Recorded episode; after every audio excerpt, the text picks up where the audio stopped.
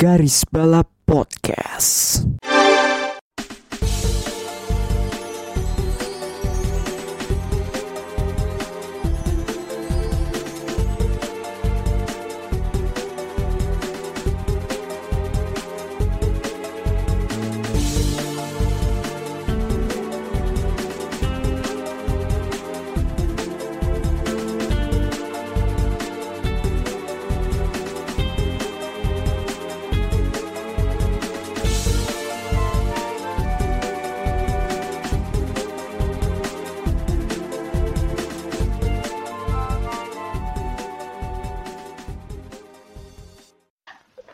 Lagi di episode berapa ini? 64 di podcast Garis Balap. Eh, 61, sorry. 61 ya. Iya. Sampai lupa saya udah berapa episode ini. Iya benar. Anyway, ini kita nggak akan bahas-bahas yang kayak balap mobil, tapi kita bakal ba- bahas soal MotoGP mid season karena sekarang sudah memasuki waktunya liburan bagi para rider ini.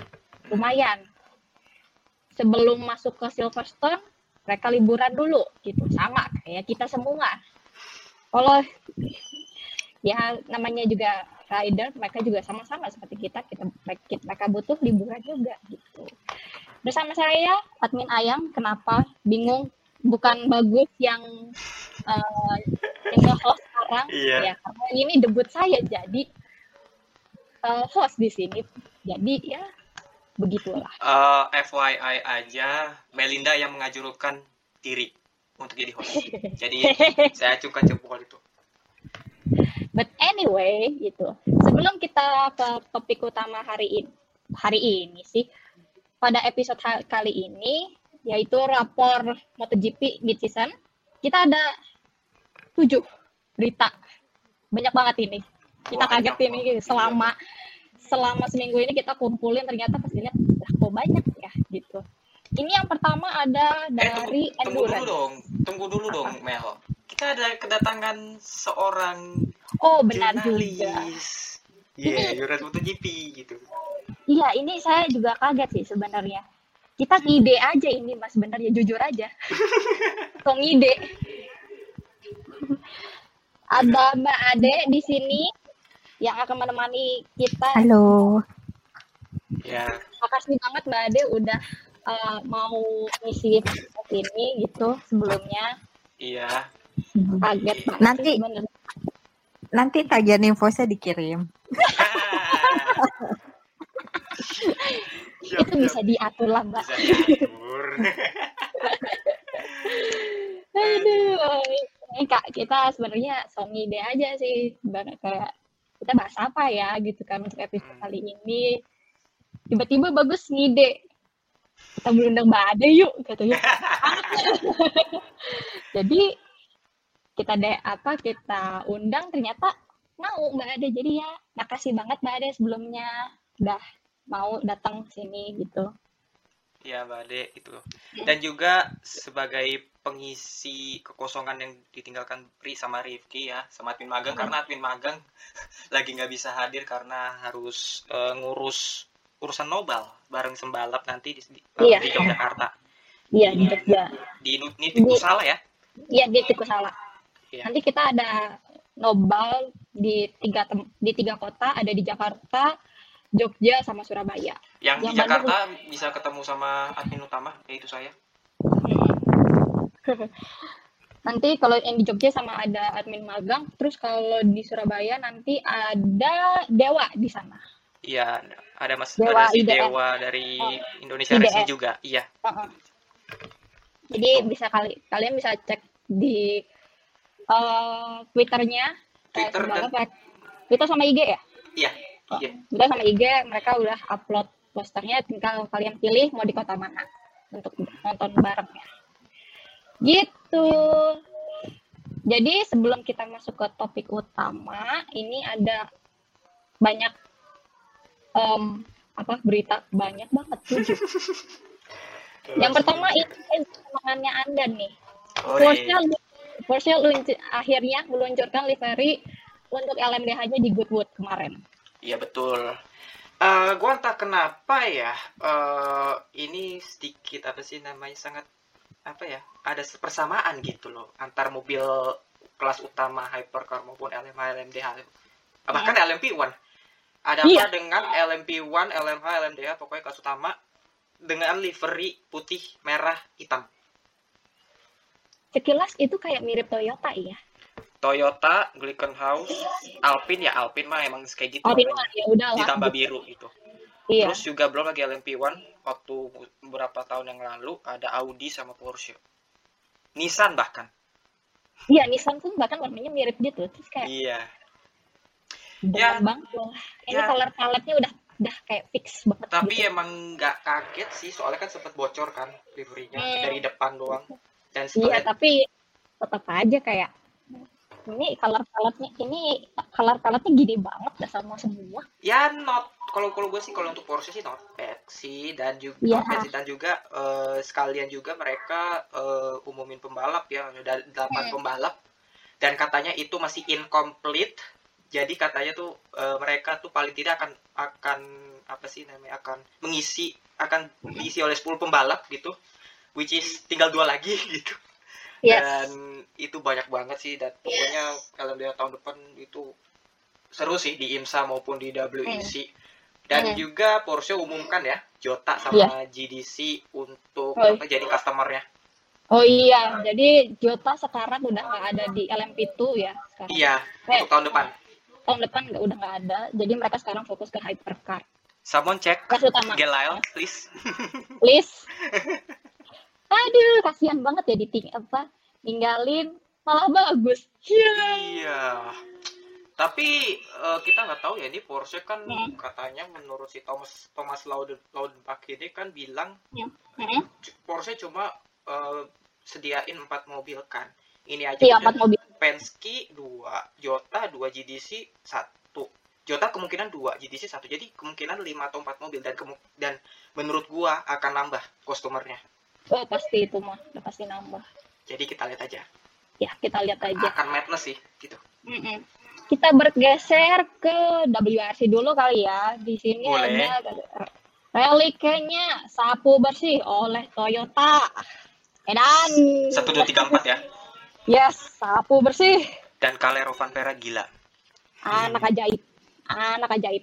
Dah, itu doang. Gak bisa, aku nggak bisa berkata-kata lagi sih sama kalau itu emang beda banget dibanding sama yang lain tuh kayak standing out Ya, banget da- dia. dan Toyota menang mendominasi satu dua tiga empat sejak 93 Yes. itu dan itu banget. ma- sejak ma- mereka pakai mobil Selik eh, Selika kena Selika GT4. 18 GT4 kan Mm. sekarang di iniin oleh Yaris Sekarang Yaris, iya. Oke lanjut kita geser lagi ke feeder series ini ada Johnny Edgar yang dinyatakan fit untuk balapan di F3 Eh, for your information aja ya, eh, kita kasih konteks si jadi si Johnny Edgar ini dia di bah setelah Bahrain dia ngumumin bahwa dia mengundurkan diri dari F3 untuk musim ini karena kena eh, Crohn disease. Itu semacam penyakit di usus ya. Crohn disease gitu. Eh, dan alhamdulillahnya sih dia bisa balik lagi ya untuk ronde Silverstone ini. Karena sayang banget sih itu pembalapnya lumayan bertalenta sih kalau gue bilang ya Johnny Edgar ya. Dan alhamdulillahnya ya bisa kembali lagi itu sih yang terpenting. Tapi kalau dibilang fit tidak ada kata fit sih gue rasa ya. Karena di situ dibilangnya mulai membaik lah. Semakin- mulai membaik dan dan dikabarkan bisa kembali ke FT. Jadi kita tunggu bagi ke depannya seperti apa gitu. Lalu geser lagi ke F1. Ini kesayangan saya.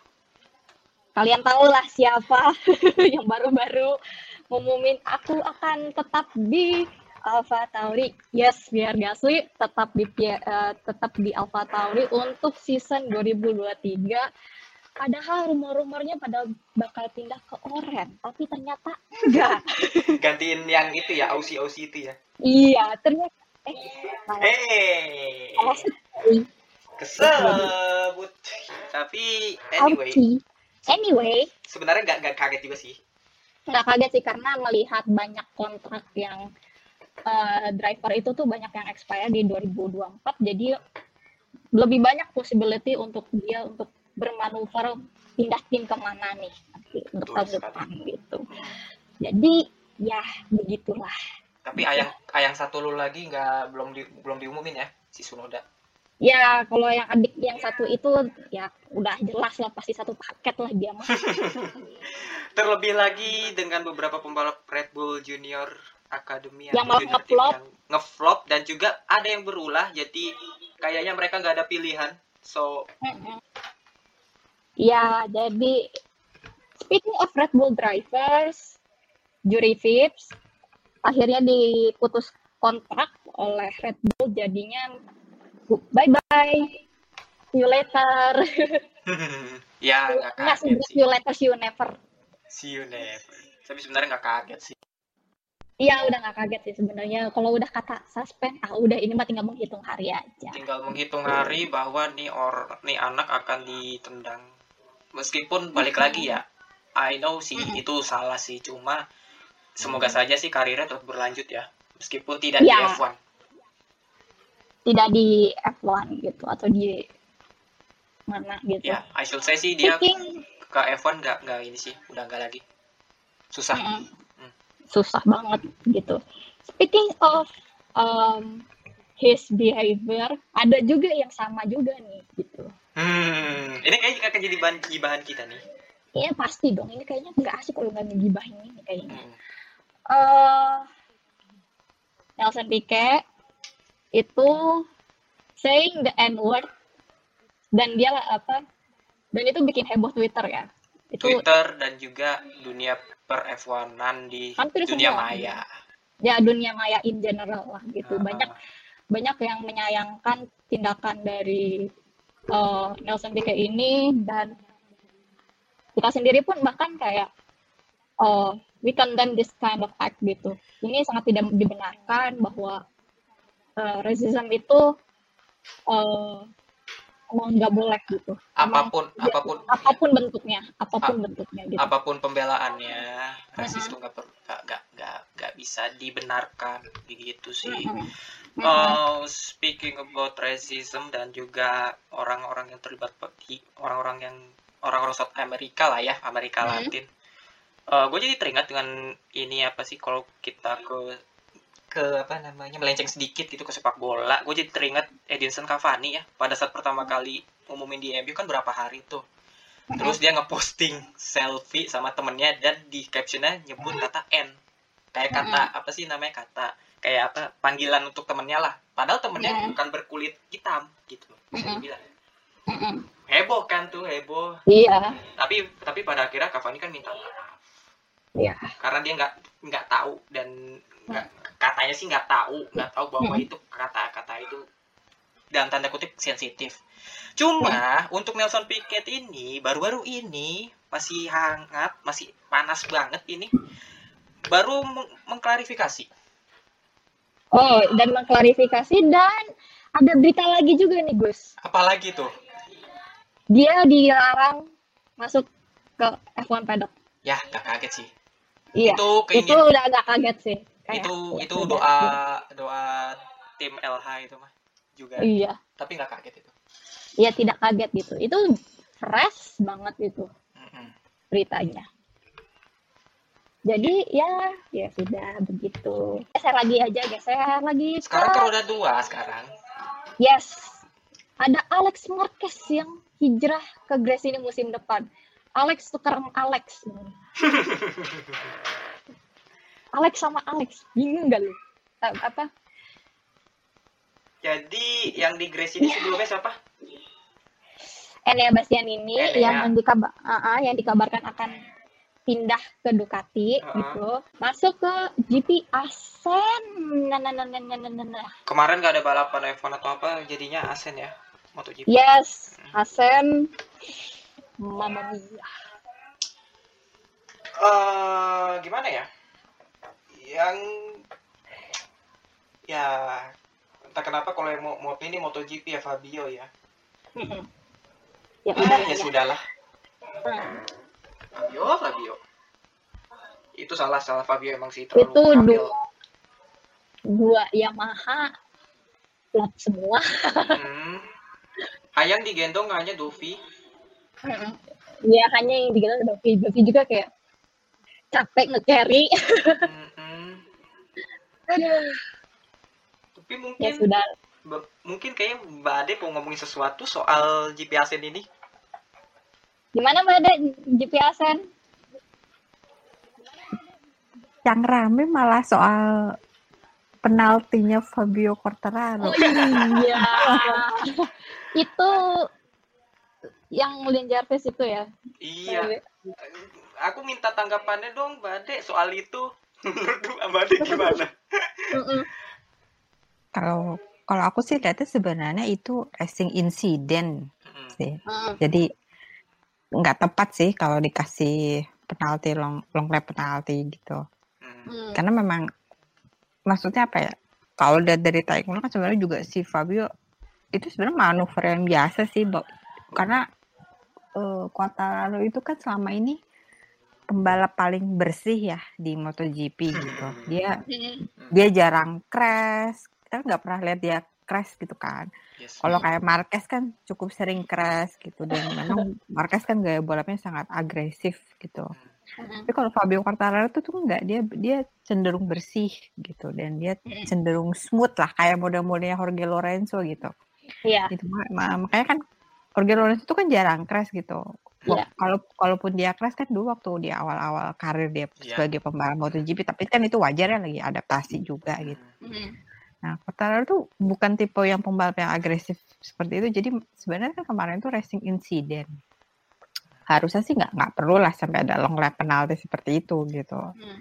gitu. Nah, yang jadi bikin eh, pertanyaan itu kenapa sih Quartararo dijatuh dikenai penalti, tapi sedangkan waktu yang di MotoGP Catalunya yang Takana Takaki Nakagami yang Iya. habis Oh iya. nubruk uh, Lex Rin sama Peko Bagnaia kok malah lolos dari hukuman gitu. Padahal kan kalau ya kalau dilihat dari kacamata Om kan udah kelihatan lah mana yang lebih membahayakan, mana yang Yes. lebih agresif ininya kan manuvernya gitu. Jadi kan seharusnya Takara Gagami harusnya yang justru dikenai penalti itu Alex Rin aja sampai cedera kan sampai masuk rumah sakit juga Iya, gitu sampai bener, bener. sampai Iya. Heeh, sampai tangannya retak pergelangan tangan gitu. Jadi nah kalau kayak kasusnya Fabio Quartararo kan oke mungkin Alex Espargaro terdampak juga balapannya tapi kan dia nggak crash gitu maksudnya dia masih bisa balik lagi ke lintasan masih bisa lanjutin balapan Dan comeback. masih bisa Heeh, masih bisa finish keempat gitu Iya. Heeh, kalau Quartararo kan ibaratnya dia udah udah udah jatuh habis itu jatuh dua kali terus gagal finish kan hitungannya. Nah, kan pulang bawa 0 poin gitu terus nanti dijatuh penalti untuk sesuatu hal yang sebenarnya itu racing incident gitu aja sih Mm. jadi kan jadi pertanyaan inkonsistensinya Stewart ya kan si Iya. MotoGP si, Iya. Iya. si Bapak Freddy Spencer ini kok kok begini sih gitu Iya, iya. Mm-mm. Iya, yang dipertanyakan kan emang inkonsistensi dari Stewart itu sendiri. Tapi Mm-mm. apakah perlu Lin Jarvis membawa ini ke pengadilan? kalau kalau dilihat perlu apa enggaknya sebagai tim pasti eh ya kalau lihat dari kacamata kacamata tim pasti mereka aku sih ngeliatnya ya perlu ya. Karena kan mungkin kalau orang kesannya kayak ya ampun lebay banget sih cuma long lap penalti aja sampai dibawa ke pengadilan arbitrase olahraga gitu. Cuman kan masalahnya di sini bukan sekedar lebay atau enggak gitu. Kadang-kadang kalau ada satu keputusan atau satu ke- eh, hukuman penalti yang di mata tim tuh merasa kok mencederai semangat olahraga sih? Kok nggak adil kayak gini sih? Gitu. Hmm. karena kan ada beberapa hal-hal yang mungkin kalau orang awam kan mungkin nggak akan nggak akan nggak akan nyampe lah pemikirannya sampai sana gitu. Kalau buat tim kan mereka udah kayak ya mereka kan balapan di situ kan nggak cuma sekedar balapan ya. Maksudnya effortnya udah banyak banget Iya, kan iya. untuk untuk bikin bangun ngembangin motor buat memang untuk gelar juara dunia segala macam gitu. Jadi ketika mereka merasa selama ini kita eh, balapan dengan secara fair play tapi kok malah di apa ya ibaratnya dinodai lah dengan penalti yang sebenarnya tuh racing incident gitu. Hmm, jadi oke, ya wajar-wajar aja sih sebenarnya kalau aku lihat Aku tang aku tangkap mak- maksudnya Mbak Dek. Maksud gue ini apa sih namanya? Maksudnya nih Yamaha di kayak diperlakukan tidak adil lah ya. Kasarnya begitu. Mm-mm. Mm-mm. Ya ya ya ya bisa sih. Ya emang kalau dibilang hukumannya nggak adil emang ya nggak adil sih emang sih karena ya itu eh, tadi yang Mbak seperti yang, yang Mbak Ade paparkan ya eh inkonsistensi dari race stewardnya itu sendiri gitu loh dari ya gitulah gitu loh jadi gue bisa bisa yang tadinya gue menganggap bahwa ya ini musim masih panjang dan ya lu bisa Fabio atau Yamaha bisa recover dalam beberapa balapan ke depan gitu loh. Nggak perlu apa namanya nggak perlu apa membawa ini ke pengadilan. Tapi gue juga di sisi lain gue paham maksudnya Mbak Ade sih gitu. Iya, benar banget.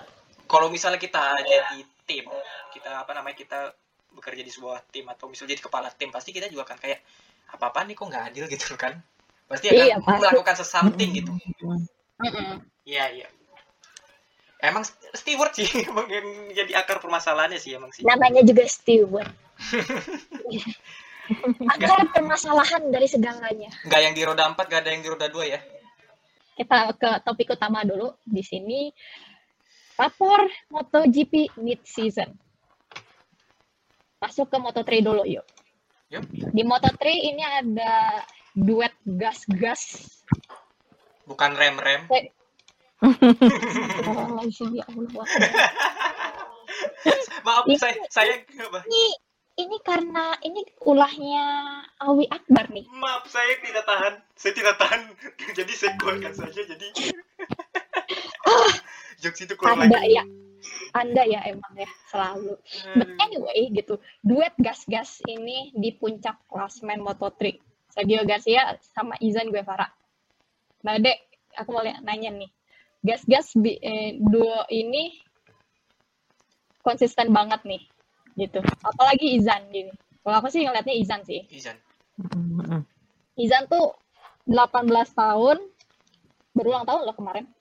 Mm-mm. tapi eh, racing skillnya parah keren banget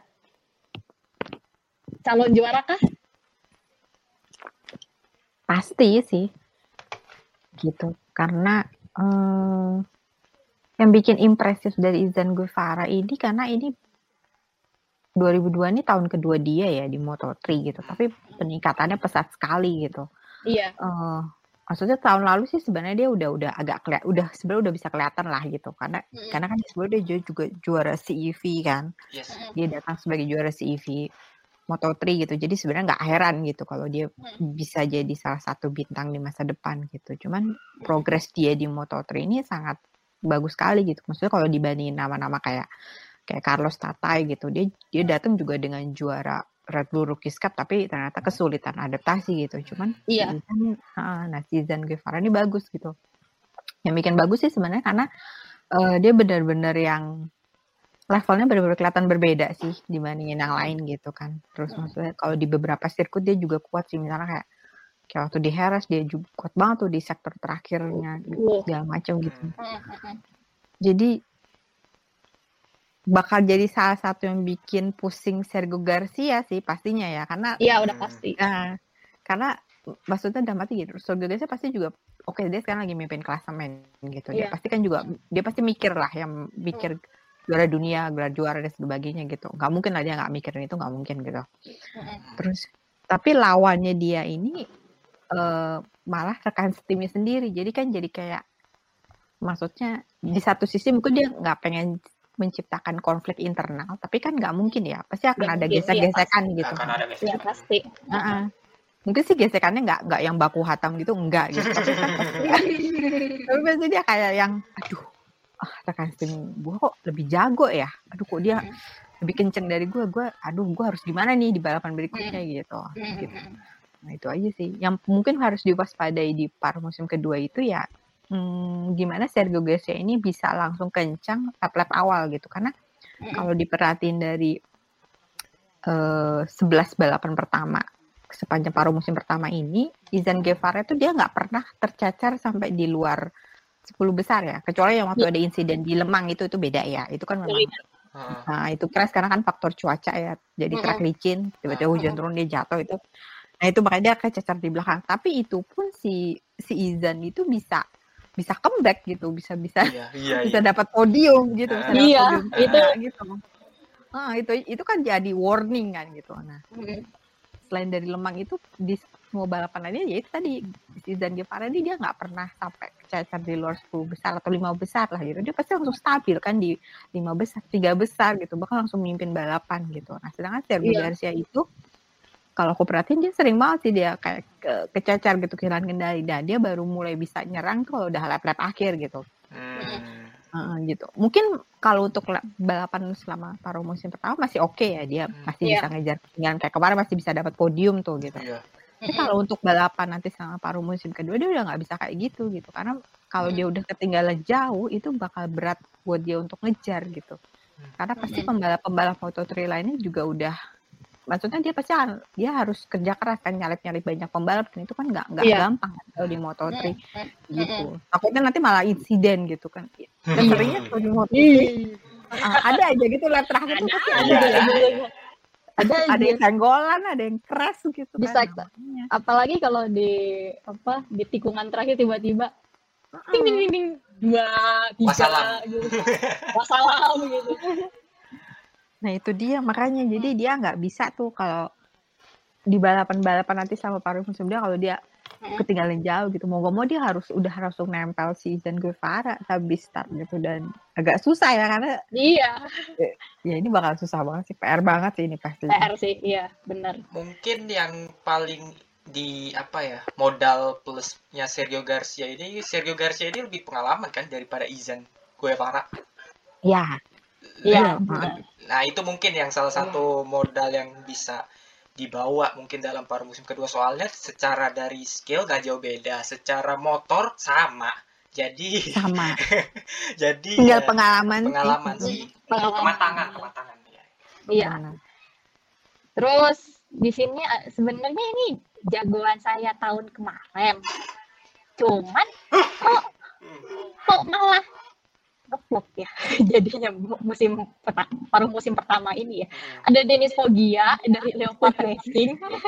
Eh, yang saya bingung kenapa kok jadi gini ya? Ada apa dengan Dennis Foggia Dennis Foggia ini masalahnya kalau yang pertama sih hmm, aku sih lihat motor Honda ya jangan pakai Hmm. Honda.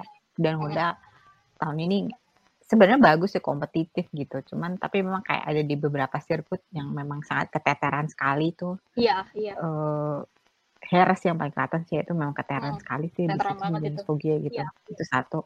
Eh, tapi sebenarnya kalau dibilang motor yang ngaruh banget maksudnya apakah motor berpengaruh apa juga? Enggak juga sih karena maksudnya bisa dibilang Moto3 itu tuh setara ya eh, iya setara. iya. paket motornya gitu. Kalau Moto Hmm. MotoGP masih oke gitu. Kita masih bisa kelihatan lah eh, perbandingan kontrasnya antara Ducati sama Honda atau Yamaha gitu. Tapi kalau di Moto3 itu bisa dibilang setara sih gitu. Yang ngebedain ya itu tadi eh, skill mentalitas pengalaman ya, kematangan gitu kan. Terutama gimana sih handle tekanan gitu. Mm-mm. nah kalau aku lihat sih kayak Foggia sepertinya mental sih gitu Eh, Eh, nah ini aku nggak ngerti nih kena mental apa maksudnya? Faktor spesifik apa sih yang bikin dia kok kayaknya agak kayak kurang kok jadi kurang meyakinkan gitu? Padahal sebenarnya iya. sa- dia sebenarnya salah satu pembalap yang bagus sih kalau tahun lalu kita lihat kan cuma dia sama Pedro Acosta gila-gilaan banget kan itu Iya, battlenya gitu. Heeh, dan mereka sebenarnya battlenya bersih sih itu yang waktu di Austria itu juga tuh. Cuman eh, nggak tahu sih mental sih ya mungkin ya mental Iya. karena ya dia beberapa kali juga race-nya kan berakhir dengan kekecewaan ya DNF Iya. gitu segala macam jadi Hmm. mungkin dari situ dia kayak agak susah untuk bangun motivasi lagi gitu kayak aku memang Hmm. masih bisa nggak sih juara dunia gitu kok aku sering crash kayak gini gitu sebenarnya apa sih yang salah gitu bisa jadi itu mempengaruhi mental dia juga sih gitu. Ini kita mampir dulu ke tim Honda apa? Honda tim Asia, Mario Turio Aji. Nah. Masa depannya seperti apa nih? Masih bisa skor poin kah? Atau ya segitu-gitu aja. Masih sih kalau aku bilang. Potensial? masih. Masih bisa sih. Eh, kemungkinan besar sih mungkin kalau yang paling kelihatan sih ya eh, di Sepang ya. Iya. Eh, karena faktor Asia maksudnya Malaysia deket sama Indonesia juga pasti kan ada fans Indonesia di sana. Jadi ibaratnya kayak home race tanda petik home race gitu kan ya. Nah gitu. Jadi ya karena dia di balapan Asia kan pasti dia pasti mau mau kasih kayak ini loh aku bisa bisa balapan bagus nih di hadapan penonton Indonesia ada di Sepang seperti itu sih ya pikir masih bisa gitu faktor Oh. cuaca, faktor cuaca dan faktor sirkuit juga sih. ya Sepang tuh kemungkinan hujan pasti ya peluangnya sangat besar karena bulan-bulan Oktober juga dan itu memang cuaca kalau di Sepang kan balapannya sering nggak menentu jadi Hmm. berharap sih kalau wet race kita bisa berharap lah bisa berharap dia mungkin top 5 atau mungkin podium gitu dan Sepang sih udah pasti sih di situ. Terus kayak em, beberapa truk sisa mungkin kayak Red Bull Ring dia mungkin masih bisa bisa lah untuk untuk nyodok mungkin ke top 15 karena dia juga udah pernah balapan kan sebenarnya di Rookies Cup gitu. Iya. jadi Iya. udah ada modal udah ada pengalaman juga gitu. Terus sama-sama sama yang seri terakhir di Valencia gitu. Dia juga udah Hmm. pengalaman di Buriram Thailand tuh juga udah kayak bisa juga gitu. Karena kalau Thailand apalagi kan kalau karakter sirkuitnya mirip-mirip sama kayak Phillip Island tuh sama kayak Silverstone juga kayak Ascent juga maksudnya fast flowing kan ya Iya. jadi kayaknya gapnya nggak terlalu jauh sih gitu kalau aku lihat sih masih masih bisa gitu sebenarnya kuncinya dari Mario tuh bukan saat balapan sih lebih ke kualifikasi gitu karena Hmm. Kualifikasi ini benar-benar jadi salah satu kelemahan terbesar Mario gitu. Eh dan berarti Moto3 itu kan kualifikasinya pembalapnya punya kayak kebiasaan jelek ya saling nunggu biar bisa towing biar bisa Nah, biar bisa nyulis slipstream gitu. Nah, Iya. jadi kan mereka saling nunggu duluan nah. Nah itu nah Mario tuh kualifikasinya tuh masih masih belum bisa nemu timing yang tepat dalam arti apa nih aku bisa keluar tepat waktu eh, kapan aku bisa keluar dari pit tapi nggak ketinggalan gitu dengan yang lainnya gitu. Karena kalau dia keluar duluan resikonya kan dia di, dia yang dibuntutin kan. Dia yang dibuntutin jadi yang di belakang pembalap-pembalap yang di belakang dia tuh yang dapat dapat towingnya dia yang dapat slipstreamnya dia. Nah karena kan Mario rookie kan gitu. Waktunya kan kepangkas kan. Tapi kalau Mario-nya keluarnya terlalu telat dari keluar dari pit terlalu telat nanti dia juga nggak bisa nih towing atau slipstream ke pembalap lainnya gitu. Jadi Hmm. Jadi sebenarnya kuncinya di kualifikasi aja itu aja sih gitu Oh, berarti kuncinya berarti di kualifikasi itu timing yang tepatnya kapan? Heeh. Heeh, Mm-mm. kapan dia keluar gitu Ah, karena kalau dia bisa buntutin pembalap lain gitu kan dia bisa dapat posisi start yang lebih bagus kan Lah, dapat Iya, posisinya nggak nggak nggak di belakang nggak di grid belakang gitu nah hmm. kalau gridnya dia mungkin sekitar 18 20 22 itu dia masih bisa nyodok tuh ke balapan gitu Nah, tapi Hmm. kalau udah paling belakang itu kan agak susah tuh buat naik gitu Iya. Soalnya seketat itu Moto3 dempet-dempetan. Benar sekali. bikin deg-degan saya ngeliatnya. Baru turn pertama aja udah ada sekpol bacok. Iya. Makanya ya namanya Moto3. Ya namanya juga Moto3. Hmm, Tidak kaget. jangan. Gitu sih. Tapi kalau untuk race race-nya dia udah oke mbak. Race pace sih sebenarnya udah agak lumayan sih. Tapi mungkin emang ya agak susah kan eh, ya ini ya. Karena ya itu tadi kan Moto itu kan memang ya itu tadi dempet-dempetan segala macam gitu dan Mario kan mungkin dia bisa bertahan nih kalau misal lagi dalam masuk entah itu grup tengah atau grup belakang gitu. Cuma kadang-kadang di track lurus itu kan dia kelihatan ya ketinggalan dari Iya. iya. Ah, ah, ah, orang-orang kan selalu bilang apakah motornya bermasalah gitu, top speed apa enggak gitu. Dan Mm, mm, aku sih sebenarnya lihatnya bukan masalah di motor sih, lebih ke berat badan sih gitu. Mungkin kalau Mario bisa diet lagi, bisa lebih langsing lagi. Nah, ini kan mumpung lagi jeda libur summer Hmm. break nih. Hmm, Ah, kalau dia sekarang latihan keras, kardionya maksudnya di habis-habisan lah di gym buat kardio. Kalau dia bisa turun ke 3 atau 4 kilo, mungkin bisa lebih enteng gitu. Karena body dia yang terlalu besar itu kan jadi kayak bikin dia lambat nih di di lurusan itu sih. Iya, iya benar. Di lurusan kelihatan banget dia. Mm-mm. Karena kalau lihat dari beratnya Mario itu sekitar 6 60 65. Aku belum tahu sih kalau angka pastinya berapa gitu. Tapi kalau dibandingin sama pembalap Moto3 lainnya, itu nggak ada yang beratnya lebih dari 55 kilo. Wow, kecil-kecil Nggak ya? ada. Ah, Wah, jadi rata-rata cuma saya. 50. Iya kan kalau- lihat kayak Ayumu Sasaki, Iya. Andrea Mikno, itu Iya. kan kayak anak PAUD itu. Iya, iya, iya. Kecil banget. Apalagi Ayumu. Kecil banget dia. Kecil-kecil. Iya, iya Ayumu tuh cuma 50 kali 55 lima gitu. Nggak pernah ada yang 55 di atas 5 itu nggak ada. Rata-rata 55 lima. Nah, itu. Jadi kalau misalnya kayak Mario 60 sama 55 itu udah beda 5 kilo dan kita tahu kan berat badan itu kan ngaruh banget ya buat balapan gitu. Hmm. Ambil contoh kayak Williams deh, itu sampai nggak sampai nggak ngecat mobil kan, sampai ngurangin ngurangin cat mobil. Dikerik gitu. Iya, Itu dikerik. Iya, iya gitu. Sampai sampai biar kenceng gitu. Itu Mm-mm. mana di F1 aja tim-tim balap aja kalau bisa nggak perlu sampai ngabisin cat mobil gitu. Mm-mm. Kalau bisa sampai nggak usah dicat lah bagian-bagian apa gitu biar enteng gitu. Kan sampai sebegitunya kan. Berarti kan bobot itu memang ngaruh banget gitu. Hmm.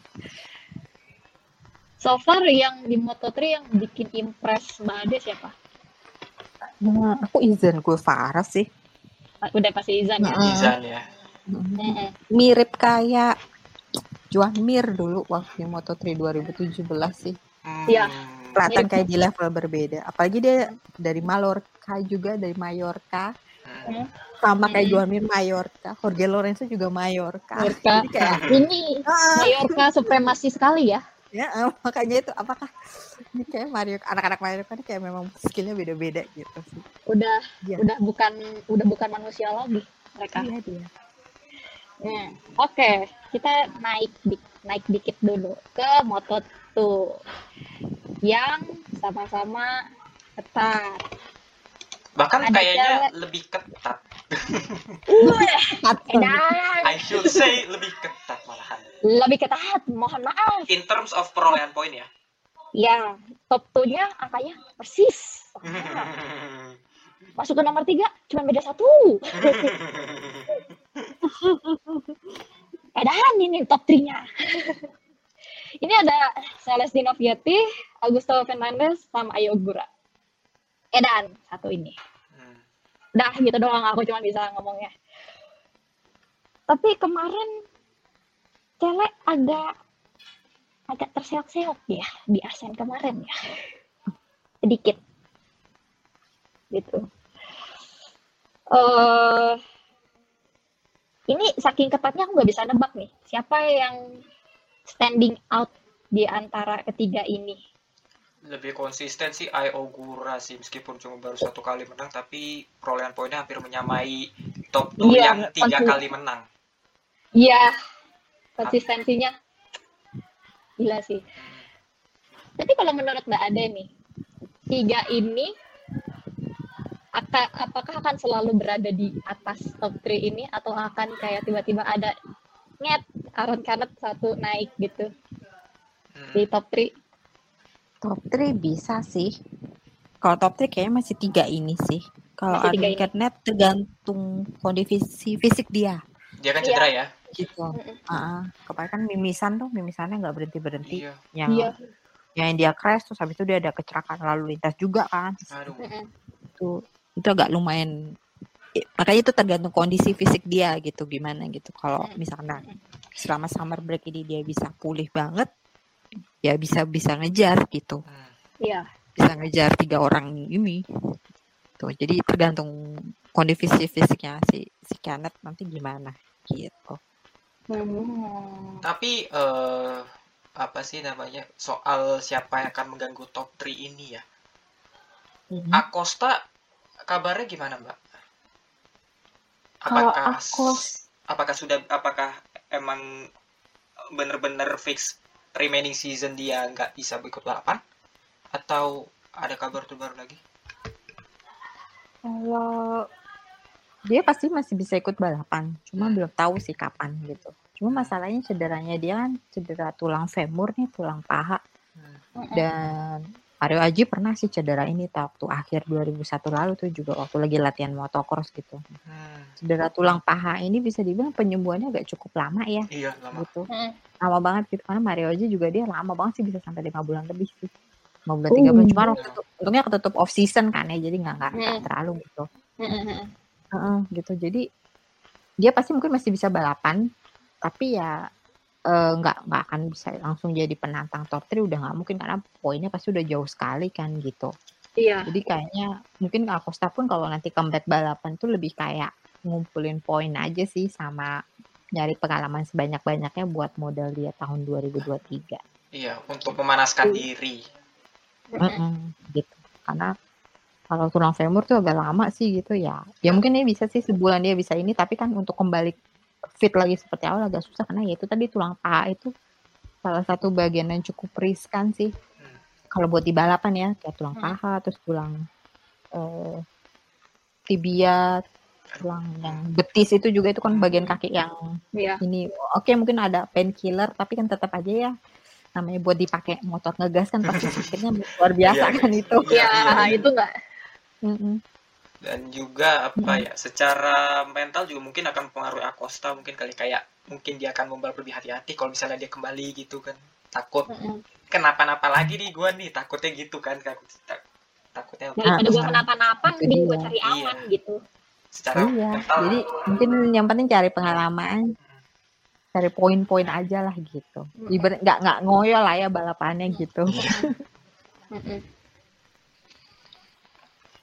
Iya. Ini jujur aku nggak bisa nebak untuk yang Moto2 ini yang bakal jadi apa juara di sini karena tiga ini kayaknya akan selalu menemani kita di akan menghiasi eh, persaingan apalagi persaingan gitu apalagi Mm-mm. wajah nanti ada wajah nanti paling ganti-gantian nanti Cele habis itu Augusto habis itu Ogura terus kayak ganti-gantian aja terus kayak. Ogura sih.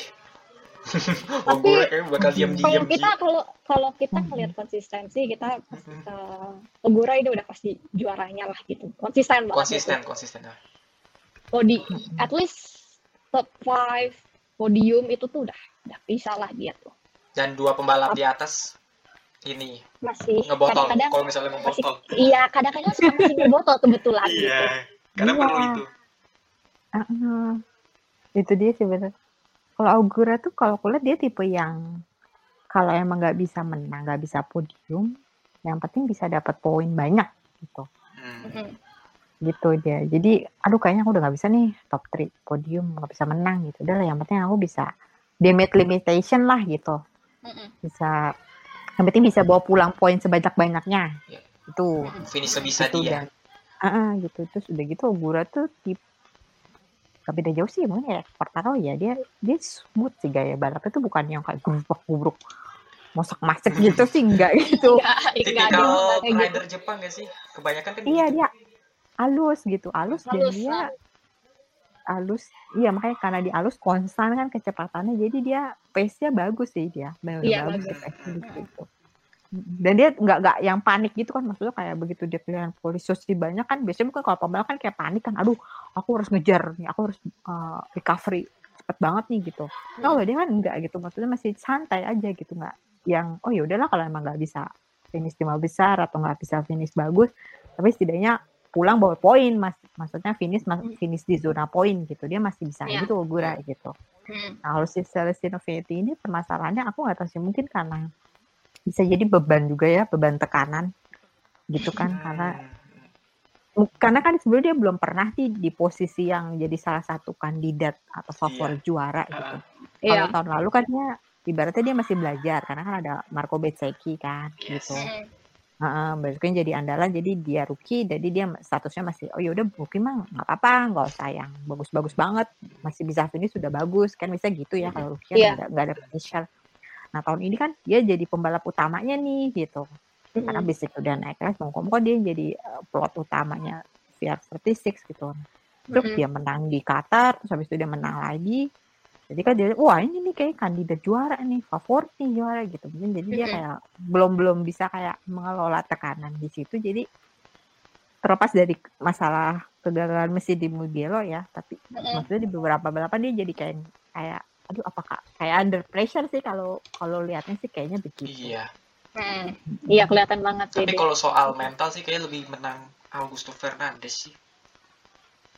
Bisa. Bisa karena sih. dia udah pengalaman juga sih dan secara motor juga bisa menyaingi ya dia berada di, di Motor. Red Bull gitu kan Red Bull KTM Bung motor mereka sama Iya. kok Gus. iya tahu maksud gua secara tim ya motor tim sama ini sih ya karena di Red Bull KTM Ayo itu kan ada si Aki Ayo nih tim Iya. manager Nah, Oh iya, dia ayo. udah udah dia udah spesialis tuh ya Mm-mm. melahirkan pembalap pembalap juara dunia dan tahun lalu timnya dia juga juara dunia kan lewat Nah. Remy Gardner kan itu Mm-mm. satu dua gitu jadi dia bisa kasih semacam wejangan yang nggak dimiliki di timnya Ogura dan timnya si Vietti itu. Hmm. Itu bisa jadi salah satu pembeda sih. Gitu. Oke. Ngomong-ngomong soal Ogura nih. Melihat aku aku dengar nih ada rumor-rumor kalau misalnya Ogura ini tetap konsisten bagus gitu. Dia bisa naik ke MotoGP buat ngegantiin eh, Taka. Possible nggak, Mbak? Bisa banget. Possible nggak? Bisa kan sebenarnya itu Bisa. itu rumor rumornya itu emang Rumor seperti itu. rumornya udah kuat banget itu. Hmm. Iya, possible kan gitu. Jadi Taka bakal dipindahin ke di apa? Taka bakal jadi testing drive eh, testing rider Honda. nggak salah ya. Testing ridernya Honda. Ogura bakal naik. Mm-mm. Ini ini kan jadi apa ya? Ini berkaitan sama jadi sama MotoGP juga gini. Ya. Karena kan kalau kayak gitu kan berarti line up-nya eh, tim independennya Honda alias LCR Honda ini akan berubah total kan. Jadi kira-kira nih Mbak yang akan meneman eh, yang akan ngisi kekosongan ini siapa? Kalau skenario nya kalau dari rumornya itu kan Alex Rins sih calon kuat LCR Honda. Hmm, Cuma tinggal nunggu pengumuman resmi aja sih. Hmm, Jadi duitnya Alex Rins sama Ayo Gura tahun depan gitu. hmm. Kalau skenario seperti itu gitu. Karena dari Nakagami sendiri gimana ya eh, dia selama di MotoGP prestasinya jauh dari kata memuaskan sih kalau aku lihat. Gitu-gitu Iya. aja. Heeh, gitu-gitu aja nggak ada nggak nggak improve improve banget tapi juga turunnya agak lumayan gitu jadi ya ya ya gimana ya mau ngomong kan sponsor pasti mikir-mikir juga gitu kayak masih worth it nggak sih kita mempertahankan dia gitu di MotoGP gitu maksudnya Hmm. podium belum pernah gitu pole position dulu ada tapi habis itu kan dia malah crash Iya, iya. Iya. Heeh, sayang banget kan itu sebenarnya peluang bagus itu jadi ya kan orang mikir gitu terus setelah itu mereka lihat ayo Gura nih gitu Pembalap Jepang tahun lagi kedua nih. di Mo Heeh, tahun kedua di Moto tuh apalagi kan dengan dukungan Idemitsu ya Iya. ya pasti kan mereka mikir "Eh, ada satu lagi nih pembalap Jepang bagus lagi balapannya lagi peringkat tiga klasemen lagi gitu terus eh, apalagi bak lihat penampilan dia yang di Asen yang bayangin dari posisi berapa bisa naik ke posisi empat ya empat apa dua sih kok jadi lupa lagi Iya. iya kan jadi maksudnya dia bisa comeback biar yang jadi naik podium dua tuh Hmm. makanya dia ya pasti kan orang Indonesia pasti memperhatikan kan gitu Iya. jauh lebih bagus gitu Hmm. ditambah si Nakagami namanya lagi agak sedikit tercoreng nih gara-gara insiden dia yang di Katalunya Iya. Iya. yang kayak bilap agresif nah itu kan jadi lagi-lagi itu bakal jadi pertimbangan gitu untuk ya udah sih pokoknya mungkin kita ganti aja kali ya Nakagami sama Ogura gitu kan bisa aja ya Bisa, omongannya bisa kayak aja. gitu Bisa aja. Aku juga mikirnya kayak gitu sih Ogura bakal bakal naik sih. Gak mungkin kalau dia nggak naik tuh. Kalau lihat in terms of Sayang. performa dia sih emang harusnya nih naik ini bocah. Harusnya naik. Mhm. uh-uh. Karena sayang banget gitu kalau misalnya dia nggak naik tuh melihat performa dia selama musim ini gitu kayak sayang banget gitu malah kalau nggak naik tuh jadi ya Kita lihat lah. uh-uh, kita lihat aja gitu. Tapi Nakagami ini benar-benar di ujung tanduk. Iya, bener-bener. ya, ya sudah lah ya, gitu buat hari ini. dulu tanduk Iya. Aduh. tapi ya gimana ya ya MotoGP memang begitu sih Iya. yang bagus kan yang bertahan Iya. Iya, Ya, emang. namanya ajang mana pun ya di dunia tuh mau F1 mau MotoGP tuh Heeh.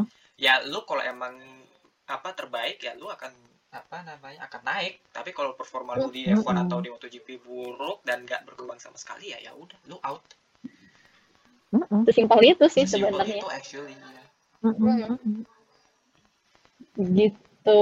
Jadi eh, kalau menurut Mbak Ade, tiga ini akan tetap menghiasi eh, top 3 untuk paruh musim kedua ini berikutnya. pasti sih pasti Pasti. karena karena tiga-tiganya udah nggak mungkin ya kalau mereka nggak mikirin soal championship gitu poinnya udah deketan gitu kan Mm-mm. ibaratnya ya pasti bakal habis-habisan sih jadi balapan sembilan balapan terakhir ini bakalan ketat banget dan nggak boleh ada yang bikin kesalahan. Nah, Satu- itu dia. Salah, salah Gitu. satu dari tiga pembalap ini kalau crash, wah udah tutup pelu- peluangnya tertutup sudah gitu karena pasti bakal berat banget untuk ngejar selisih poin ya. Ya, Iya. Udah krusial sih, bakal bakal krusial banget sembilan balapan terakhir ini bener-bener nggak boleh crash. Gitu. Dan kita sendiri pun nggak bisa nebak ya siapa yang bakal juara di Moto2 ini. Nggak bakal bisa nebak. Mm-mm. Enggak. Tapi aku tetap dukung Segura. Dah, paling bener. No room for mistake in the last No nine race. So Iya. Jadi, tolong didengarkan wejangannya. Wahai kalian bertiga. Hmm, Jadi, begitulah. Oke. Karena udah singgung-singgung dikit soal MotoGP, ayo kita pindah ke MotoGP. Yap. Ada Fabio, Alex, dan Johan Zarco.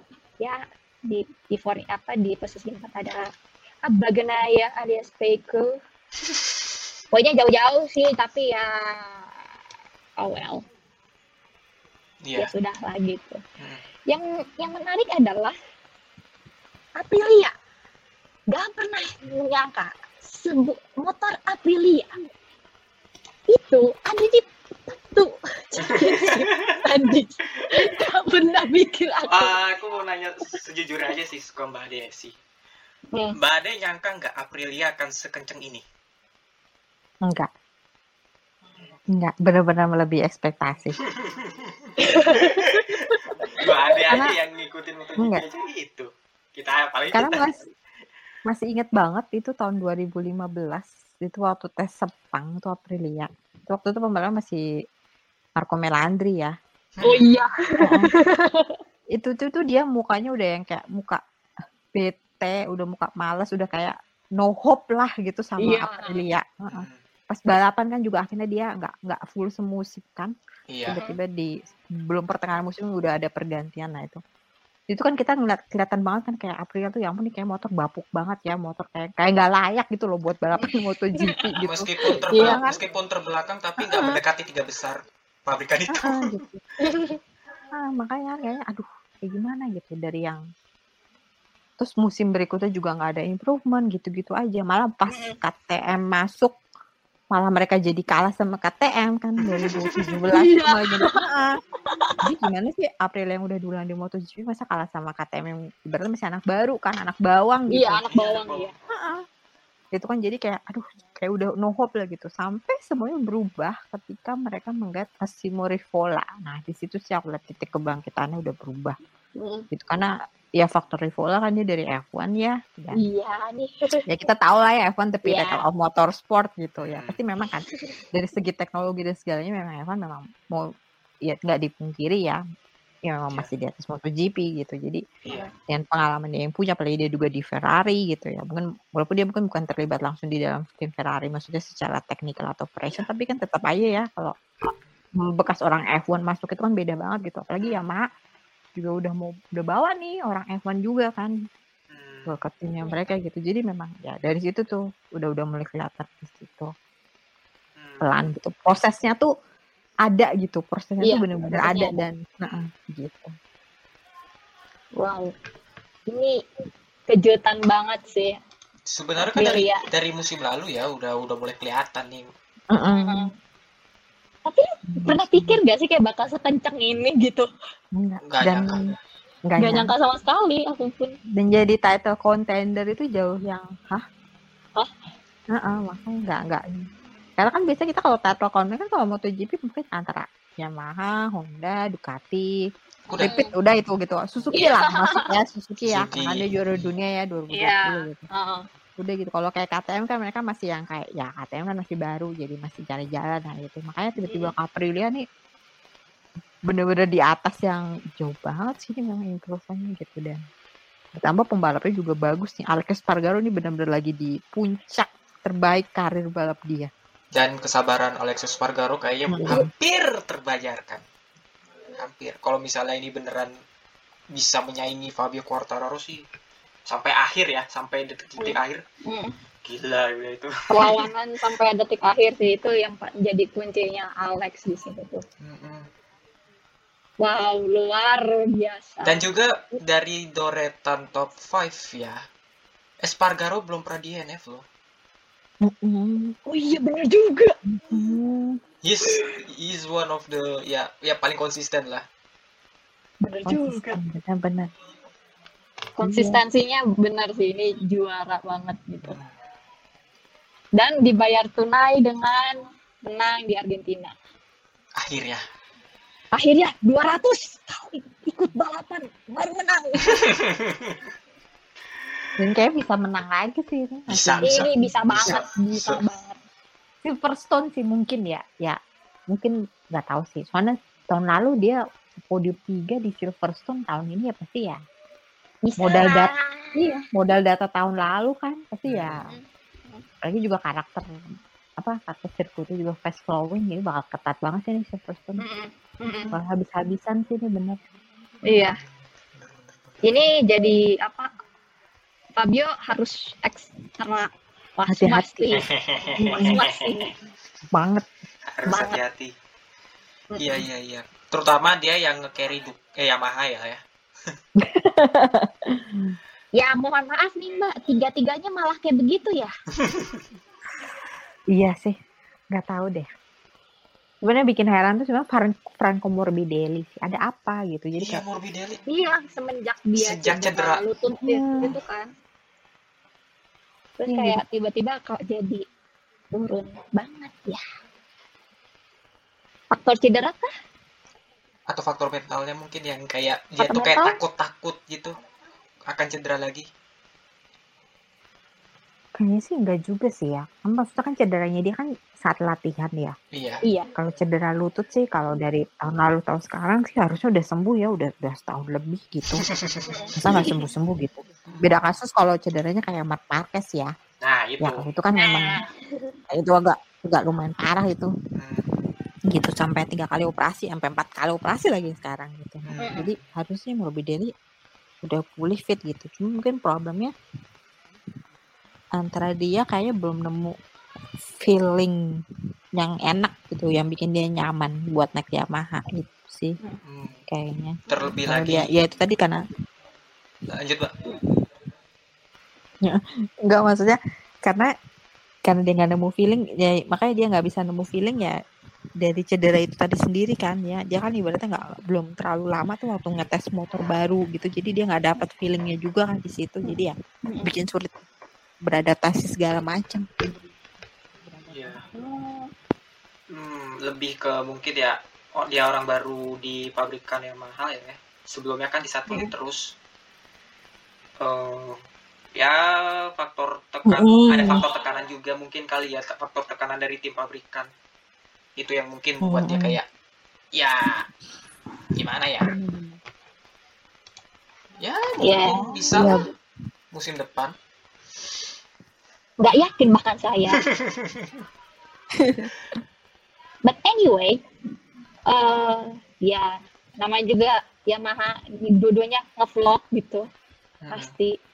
Apalagi yang satunya lagi itu kayaknya udah gak ketolong udah nggak ketolong yang ini, Heeh. yang satu ini.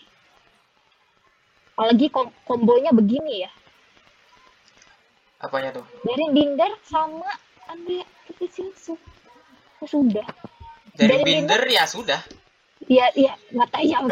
Dari dari Binder sih emang iya gua aja masih Bim, eh, em, hoki gitu kayak gua aja masih bisa masih bingung masih- itu Darren Binder kenapa bisa ke MotoGP ya lonteknya luar biasa dia. ya kalau kayak Jack Miller kan tuh ya apa ya masih bisa dimaklumi gitu loh tapi kalau Darren Binder gaya balapnya aja di Moto3 begitu Ya begitulah. Jen. Aku lebih ngeliat ke Dovi sih. hmm. Dovi Masih pu- masih punya nggak sih dia tuh? Masih punya feelingnya itu untuk bersaing. kayaknya udah susah sih soalnya Udah udah tahun depan se- sendiri dia udah yang Uh-uh. dia udah udah mau pindah ke motocross juga sih buat tahun depan oh Oh. soalnya dia juga udah lumayan hiatus udah lumayan lama sih test drive Oh. test rider mulu. Ya, dia udah yang ya bisa dibilang sih eranya udah udah udah selesai gitu. Iya. dia kayaknya Gitu. juga dia kayaknya juga udah sadar dia kayaknya juga sadar ya gue cuma di sini ya pengisi line up dari RNF aja Heeh, iya beneran. Iya kan kalau pembalap kalau dia balapan maksudnya cuman gitu-gitu aja juga pasti kan kayak nggak ada ini kan gitu. Hmm. Itu udah udah udah nggak udah nggak enjoy itu kan pasti udah nggak enak gitu. Dan- Ya, kayak si kayak si Maverick Vinales tuh waktu di Yamaha dia udah yang Hmm. kayak surem banget. Tapi sekarang ada di Aprilia bahagia happy Bahagia sekali ya sekali. Ya, kayak kayak orang jatuh cinta gitu kayak nemu ya ampun pacarku yang ini kayak lebih enak nih daripada mantanku dulu. Iya dia bener beda banget kan auranya iya apa ya familia gitu. familia I- Italia gitu ya. Mm-mm. Wah, emang ya. Tapi ada juga nih yang perlu kita sorot juga nih. Paul Espargaro. Nasib jadi tandem gini ya. susah Agak sih. Iya. Nah, disuruh eh, diminta untuk meng-carry Honda malah flop juga. Berat sih berat. Berat banget untuk what a day. ini apa untuk tim Honda ya terutama gitu. iya iya Ditinggal Marquez langsung. Bye. Mbak ngesumbai. Lang- ya kelihatan sih bahwa Honda ini emang Marquez sentris Hmm. Mm, mm, mm, mm, mm. gitu ya jadi kalau seven mile ya ya udah lah ya gitu what are you expecting dari dari pembalap tembak gitu pembalap tembak Oh bangetnya. Mungkin harusnya kalau dulu oleh Espargaro nggak nggak cabut ke Honda, maksudnya tetap di KTM, dia mungkin malah bisa bagus tuh. soalnya dia Iya. KTM tuh lumayan ya katanya tuh Bagus dia ya. lumayan banget loh Lumayan. Musim Itu- terakhir kan dia podium beberapa kali Itu tuh kan yang 2020. itu kan yang membuat Honda kepincut nih. Kayaknya bisa nih jadi tandemnya Marquez nih. Eh taunya. Sayang banget itu. Kalau tetap di KTM mungkin 2021 dia lebih bagus tuh 2001 2002. Mana kan ibaratnya dia udah kenal banget ya motor KTM dari dari awal banget kan dia ibaratnya ngebangun juga Iya. gitu. Salah satu orang yang Kayak Heeh, kayak Alex Spargaro sama Aprilia lah benar-benar dari awal banget kan gitu. Udah nemu nih, udah nemu setelkannya nih gitu. Itu sayangnya sih di situ. Nah, dia pas udah lagi bagus KTM pindah ke Honda yang benar-benar berbeda yang pas dia pindah itu kan motornya lebih ke arah Marquez ya gaya balapnya. Iya. Itu yang bikin dia kesulitan gitu. Ya tapi ya, ya tapi kadang-kadang kan pembalap juga pasti dia pengen punya tantangan baru ya. Hmm. ya kayak Alex Marquez itu juga dari Honda dia pindah ke Grace ini karena dia pengen nyari tantangan baru kan sama motor Ducati gitu. Jadi ya nggak bisa disalin juga. Cuman ya ya itulah. Kadang-kadang tuh kalau pindah tim tuh ada yang keputusannya tepat tapi ada juga yang ternyata keputusannya salah gitu ya. Iya. ya begitulah. Ya, Itulah itulah kehidupan. yang itulah yang dinamakan gambling. Ya jadi ya. gambling gambling. Berhubung dengan gambling ada juga yang tim yang lagi gambling gambling dengan pembalapnya Joan Mir dan Alex Rins akan ke mana mereka? Juan musim Mir udah pasti ke Honda. Jadi tandemnya Mark Marquez oh oke pasti. Semua Ya, Iya. udah, udah pasti sih. Ini ini bakal menarik karena Joan Mir ini juara dunia. Iya, Dan Juara dunianya Moto3 dan MotoGP ya, dua kali juara dunia. iya. Dan Marquez selama ini kan belum pernah tandem sama rekan setim yang juara dunia. Eh, sejak Bener Jorge. juga. Ya. Jorge. Cuma kan kalau Jorge Lorenzo ada masalah cedera. Iya dia di jam-jam itu udah mulai Ah. rentan banget cedera. Udah rendah, rentan gitu. Jadi agak menarik sih ini Mark Marquez gimana kalau waktu sama Jorge. Oke, Jorge juga juara dunia tapi ternyata fisiknya Jorge saat itu tidak tidak dalam posisi yang apa ya bukan dalam kondisi prima gitu jadi Prime-nya udah lewat sih lah. uh-uh, bisa dibilang. prime kayak udah lewat gitu nah ini Juan Mir nih kalau aku bilang belum belum lewat gitu maksudnya dari umur dia muda banget gitu dan hal menarik sih ini gimana gitu karena ya lagi-lagi Spaniard Spaniard gitu mungkin yang tadi kita berharap lihat antara Jorge sama Marquez mungkin ada kayak apa ada apa-apanya gitu Kagak. bisa jadi mungkin terjadinya tahun depan nih antara si Bisa. Marquez sama Joan Mir nih bisa jadi Hmm. Terus kalau nasibnya Alex Rins gimana, Mbak? Hmm. Alex Ren itu gosipnya ke SCR Honda tuh. Oh, CR ya? Mm-mm. Hmm. Karena kalau CR, kalau Miguel Oliveira berarti kemungkinan dia ke Teh3 atau mungkin dia mau ke RRF Aprilia bisa jadi antara dua itu sih opsinya. Mm-mm. Karena kan yang deal sama Asa Honda-nya kan nggak jadi kan. Mm-mm. Mm. Gitu. Ya, gimana deh Ya. itu itu sebenarnya tuh udah mau deal itu sebenarnya Gracie Iya, udah mau deal kan. Yes. Oliveira. Cuma karena ada, ada masalah sponsor ya. Sponsor. Kadang ya sponsor di, di luar faktor-faktor kepengen sama pabrikan ini emang faktor sponsor sih. Kalau kagak ya bisa batal sih. Mm-mm. Ya bubar jalan. Gitu. Ya. Tapi sebenarnya kalau misalnya nanti kalau ada pembalap yang katakanlah dia nggak dapat kursi ini buat tahun depan gitu ya, Nggak po- katakanlah mungkin tersingkir dari MotoGP sih harusnya nggak nggak nggak perlu kecewa gitu. Maksudnya kalau lihat kayak Iker Lecuona sama Xavi Vierge tuh, ya kan kedepak semua tuh dari Grand Prix. Iya. Nah, tapi sekarang di Honda World Superbike mereka bagus, bagus banget. Iya. Hmm. Bona bagus. Iya gitu. Kadang-kadang kan ya itulah ada yang mungkin memang jodohnya bukan sama MotoGP tapi mungkin karena jodohnya sama World Superbike. Atau kayak Daniel Petrucci jodohnya sama Moto Amerika, menang Rally Dakar pula gitu coba. Iya, Rally Dakar. Belum ada pembalap MotoGP menang Rally Dakar kan. Gitu. Atau Hmm, mungkin jadi kayak kan, atau mungkin kayak Alvaro Bautista gitu kan. Heeh. atau kayak Sean Galel tuh jodohnya bukan F2 tapi sama WEC. Nah, Selatan. gitu gitulah. Cuma nggak tahu sih kalau sekarang ini dia lihat Jota agak gimana ya. Udah jauh aja ke hypercar gitu kan. Aduh. Iya makanya heeh. sedangkan target dia tuh mau udah jelas sih. Yang Apa dia, beli. Jadi kembali ke MotoGP, di sini ada juga Jack Miller di top ya, di top 7 ada Jack Miller, Brad Binder, Enea Bastianini, Peko Bagnaya. Empat ini masih bisa saling bisa curi-curi podium nggak Pak? bisa, masih bisa Terutama sih. Peko sih, Peko masih bisa menang nggak? PK aku pikir masih bisa sih gitu. Masih bisa kekejar ya? Eh, Masih masih bisa kekejar karena ya nggak ada yang menyangka sih karena kemarin si Quartararo 0 poin ya gitu. Kemarin emang gapnya emang jauh banget sih 91 itu emang berat banget sih ngejarnya gitu. Cuman karena kemarin Quartararo 0 poin kan di Asen.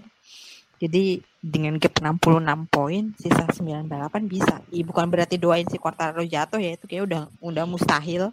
Karena Quartararo bukan tipe-tipe pembalap yang sering crash juga.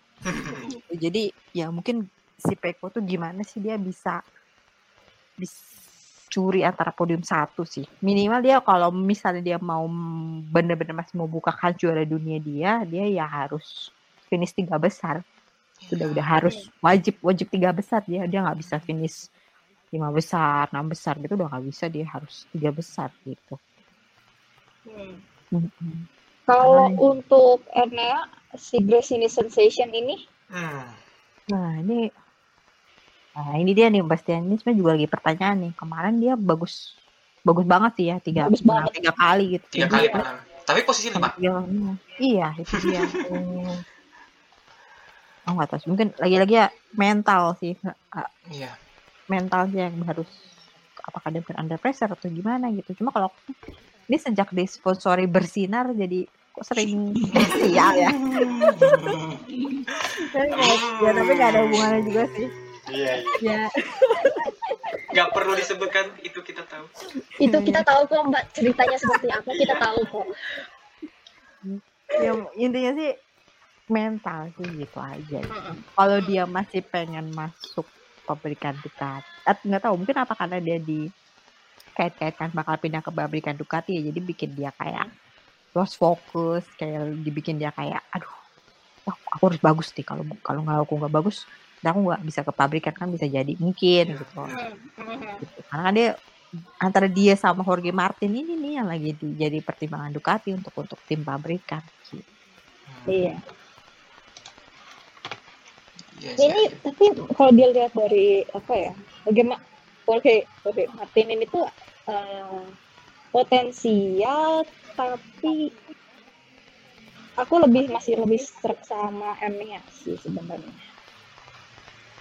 ya Kalau setidak dilihat setidak konsistennya mereka berdua Enea Iya, masih lebih bagus. masih masih lebih masih lebih bersih gitu masih lebih bagus lah gitu. Istilahnya tuh.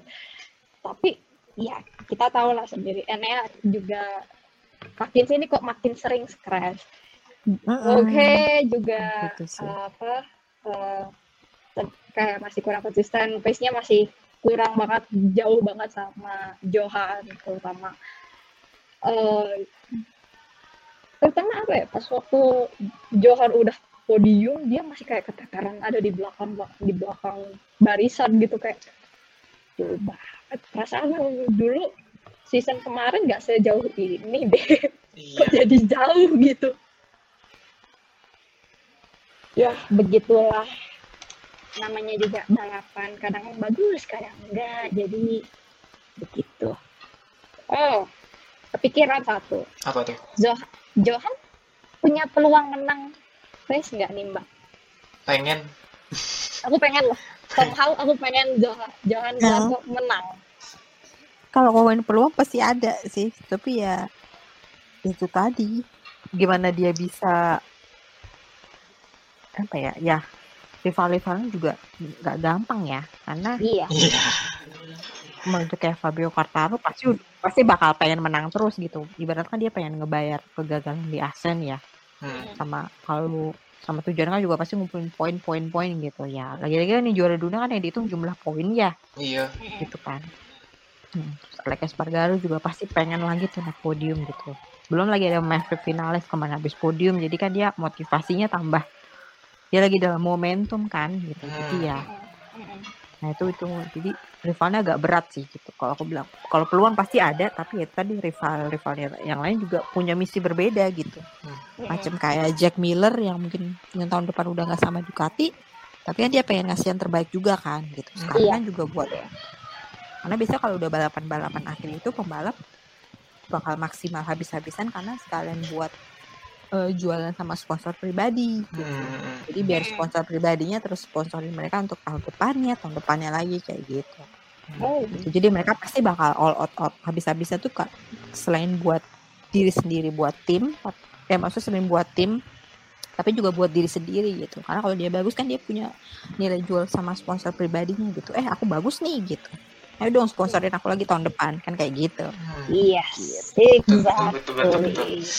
ya kita lihat sih kalau soal Zarko sih ya kita semua sih pengen sih ngeliat dia menang sih. Cuma rival di belakangnya itu Bagnai ya Bastian. Ini ini kan apa ya kita nggak tahu nih pergerakan mereka seperti apa di paruh musim kedua. Bisa aja mereka kayak singa yang terbangun gitu kan. Belum lagi Jack Iya. Miller. Atau kayak Marco Bezzecchi. Hmm, dan oh iya bang dan Yang duo Suzuki misalnya atau apa iya. apalagi Aku mungkin malah lihatnya Bezzecchi sih mungkin kayak bisa jadi kuda hitam gitu karena dia rookie iya iya dan dia nothing tulus. Hmm, hmm, hmm. Heeh. Lagi-lagi kalau kalau pembalap posisinya nothing tulus itu kan nggak ada beban ya. Yes. kayak balapannya bagus, hayu, balapan jelek ya udahlah nggak apa-apa kamu rookie masih belajar. tanpa gitu. tekanan Lebih enak. tanpa tekanan gitu ya iya iya Justru yang tanpa tekanannya kadang-kadang bisa lebih berbahaya sih gitu Iya. kalau aku lihat. apalagi kan base kemarin dapat rezeki durian runtuh ya Iya dia dan ini mah udah bagus banget sih dia gitu. Best mungkin yang bikin kalau Beseki mungkin yang jadi stresnya sih Luka Marini sih kalau aku lihat. Ya, Iya. itu tadi kan pasti bakal ada nih rivalitas rekan setim itu pasti tuh nggak mungkin gitu. terutama Iya. ya terutama ya ini tim kakaknya Iya itu dia kan. iya Masa kan jadi lah gimana sih kok kalah sama Beseki gitu. Padahal dia motornya GP 2022 loh. Beseki kan GP 21. Nah ya itu makanya Beseki aja bisa podium. Bastian ini bisa menang gitu kan. Jadi kayak berat juga sih buat si Luka Marini gitu. Tapi ya kemarin kan memang dia ada insiden juga kan sama Joan Mir habis- Iya. iya iya Mm-mm. gitu mungkin kalau nggak ada insiden dia bisa sih nyodok gitu Mm-mm. Ya gitu beratnya Zarko ya itu aja sih karena Ducati ada tu- tujuh pembalap ya sama dia kan delapan tuh jadi berat gitu Heeh. Heeh. Gitu. oh ya dia kan pembalap ter apa pembalap ter- paling teratas di Ducati di antara semua pembalap saat di klasemen. Hah? iya yang inform lah bisa dibilang Nah, gitu. poinnya paling banyak iya iya sih makanya itu dia sih sih. Jadi ya begitulah untuk MotoGP ya kita nggak pernah tahu siapa yang bakal menang di satu sirkuit di sirkuit lainnya selalu seperti itu ada aja yang jatuh selalu gitu udah kayak udah nggak aneh. Eh, melihat paruh kedua ini tuh pasti at least top 5 ini akan selalu ada lah. gitu, selalu muncul. Dengan foto Fabio yang ada lagi apa lipat tangannya ditaruh di dada terus sambil senyum heh gitu kan. Di samping gitu. Hmm. dengan nama-nama nama-nama yang lainnya. Kira-kira nih yang di antara lima ini yang jadi kuda hitam siapa nih mbak? Yang mana aja nih? Yang top 5 ini kira-kira yang bisa nyodok lah. Gitu. mengganggu lah mengganggu. Mengganggu dari mengganggu dari dominasi Fabio ini. Alex Espargaro sih kalau aku lihat.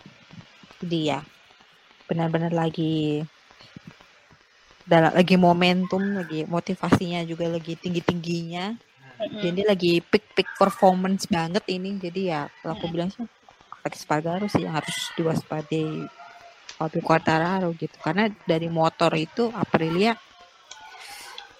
bisa bikin Yamaha ketataran juga gitu. Hmm. apalagi melihat Ale- apa, Alex dengan manuver two in one. Di last itu gila itu gila corner. Sumpah. kemarin edan gila itu gila recovery Itu- bagus sih recovery bagus recovery-nya bagus banget itu. Aku nonton full dan kayak edan ya orang. Nggak nggak nggak nyangka sih seorang Alex Espargaro yang dalam tanda kutip bersama Aprilia selalu menjadi barisan terbelakang.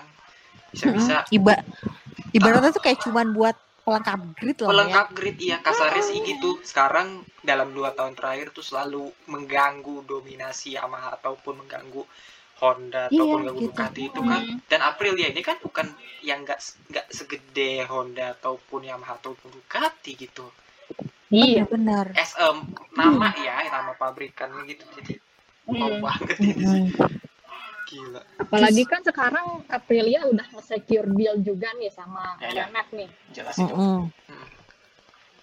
jadi ya udah bye bye Yamaha kamu tidak punya teman Mm. Iya, udah punya tim satelit kan berarti dia punya data lebih lagi tuh buat ngembangin motor. betul Di situ. Ya mungkin nggak expect-nya sih dari Alex Espargaro sih ya. Maksudnya kalau dia dari usia dia kan sebenarnya udah bukan usia muda ya. Karena kan rata-rata kan pembalap dalam masa emas tuh biasanya kan antara umur 27, 28, 29 lah gitu. Udah Kalau udah di atas Heeh, kalau di atas 30 kan biasanya kayak udah gitu.